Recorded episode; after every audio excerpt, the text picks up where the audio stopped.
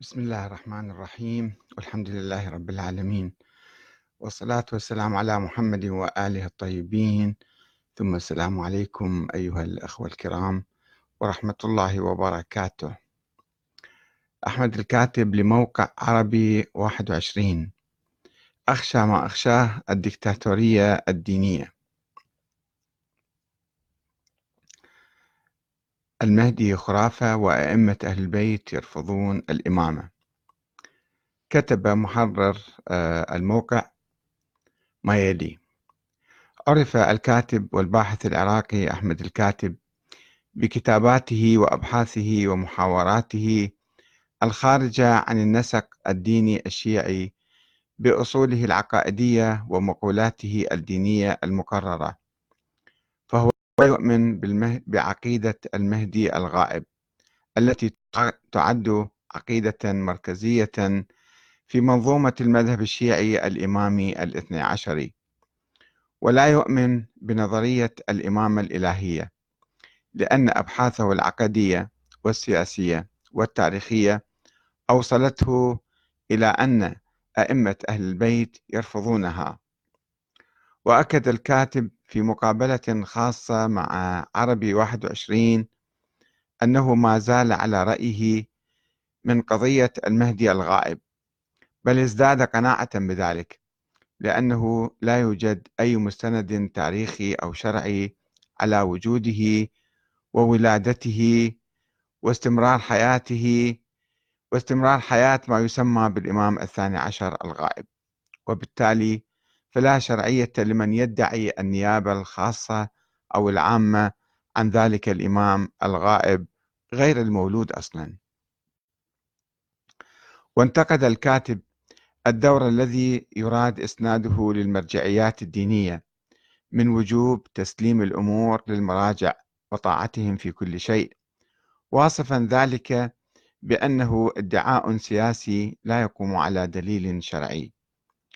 وأبدى الكاتب تخوفه الشديد من تفشي الدكتاتورية الدينية. لافتا إلى أن عامة المثقفين الشيعة يتخوفون من ذلك حتى بعض الفقهاء كالشيخ محمد حسن النائيني أحد قادة حركة الدستور في إيران في مطلع القرن العشرين الذي حذر من خطورة الدكتاتورية الدينية بين قوسين. طبعا في كتابه تنبيه الأمة وتنزيه الملة. ولفت الانتباه إلى أن خلاصة ما توصل إليه في الفكر السياسي هو الشورى أو الديمقراطية الأمر الذي دفعه لتأييد إقامة نظام ديمقراطي في العراق من غير أن يشارك في العملية السياسية مطلقا وأبدى الكاتب تحفظه الشديد على أداء المرجعية الدينية التي ما زالت تبث أفكارا اجتهادية قديمة تحصر الشرعية الدستورية بالمرجعية. باعتبار المرجع يمثل الحاكم الشرعي ونائب الإمام المهدي المنتظر وهو ما يعيق تطور النظام الديمقراطي ويشله. وذكر الكاتب أن النظام السياسي في العراق واقع تحت تأثير نظريتين.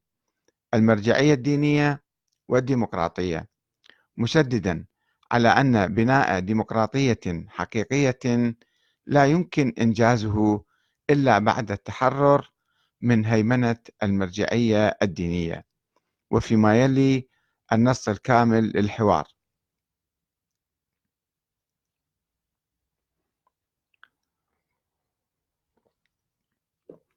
سؤال بداية ثمة تشكيك في صدق انتسابك لمذهب الشيعة الإمامية الاثنى عشرية بسبب مؤلفاتك وكتاباتك ودروسك التي تنتقد فيها عقائد ومقولات دينية.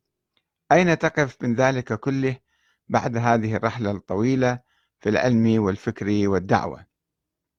جواب لقد ولدت مسلما شيعيا إماميا اثني عشريا وفي عائلة متدينة ودرست الابتدائية في مدارس تحفيظ القرآن الكريم ثم ذهبت إلى الحوزة العلمية في كربلاء وقطعت جميع مراحل الدراسة حتى أصبحت أستاذا فيها لمادتي الفقه والأصول.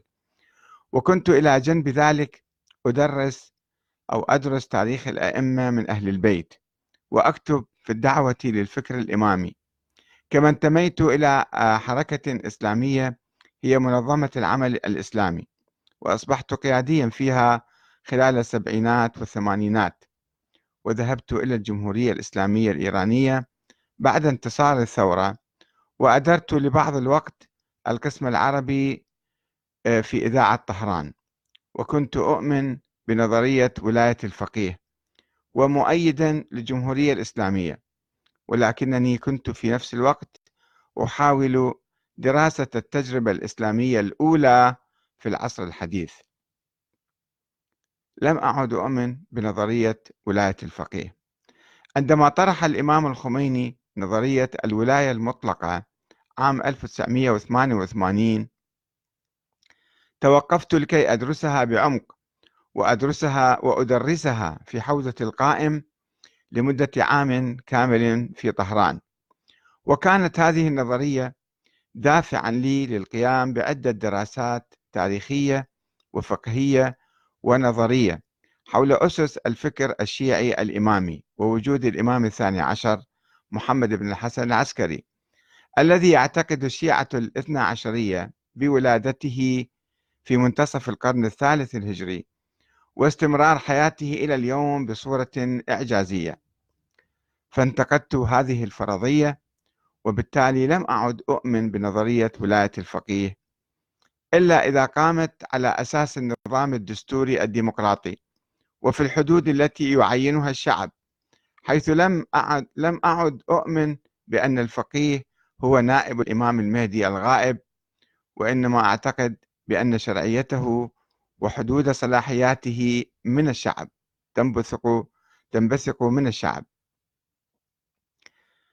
سؤال ما هي أبرز القضايا والموضوعات التي دعوت إلى مراجعتها في النسق الديني السائد في الأوساط الشيعية حاليا؟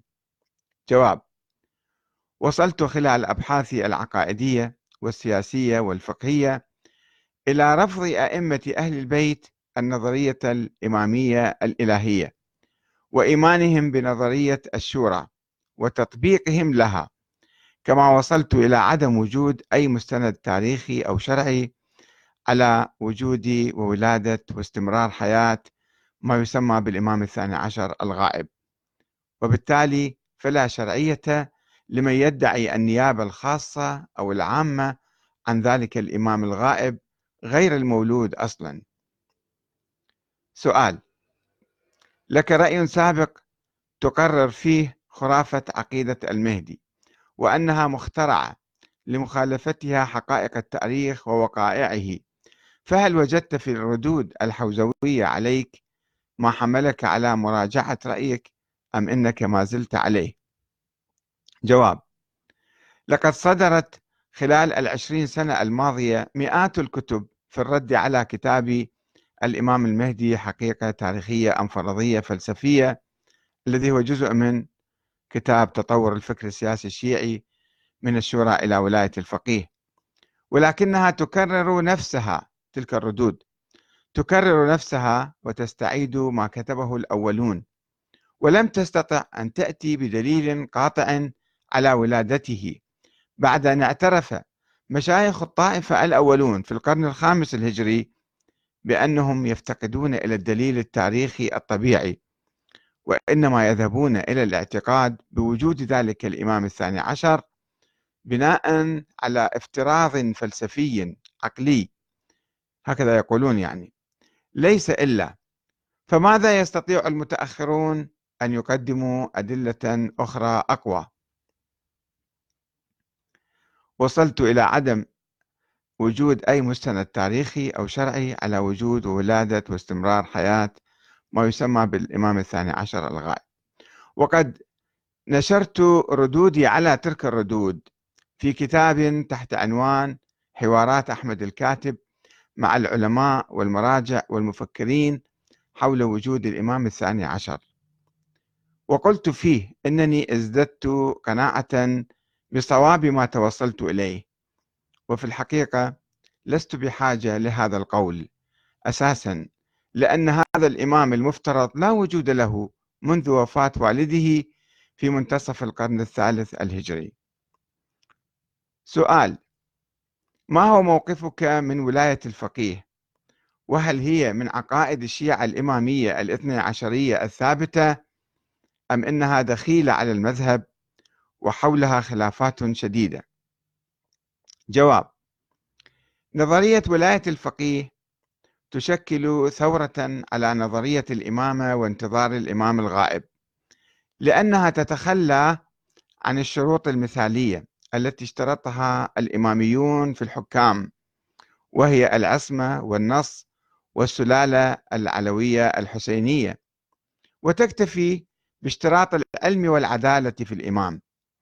وقد قال بها بعض فقهاء الشيعة منذ حوالي قرنين. ولكن الإمام الخميني طبقها في إيران بعد الثورة الشعبية ومزجها بالفكر الدستوري الديمقراطي الجمهوري فكانت الجمهورية الإسلامية الإيرانية. وهي في إيران تستند إلى رأي الشعب وانتخابات والانتخابات وليس إلى فرضية النيابة العامة للفقهاء عن الإمام المهدي كما كان يعتقد بذلك بعض الفقهاء ولا يزالون.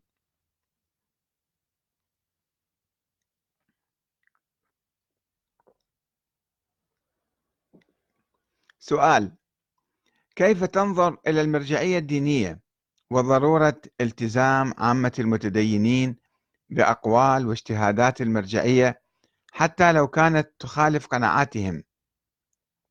وهل للمرجعية حق فرض مثل ذلك التصور على عموم المتدينين؟ جواب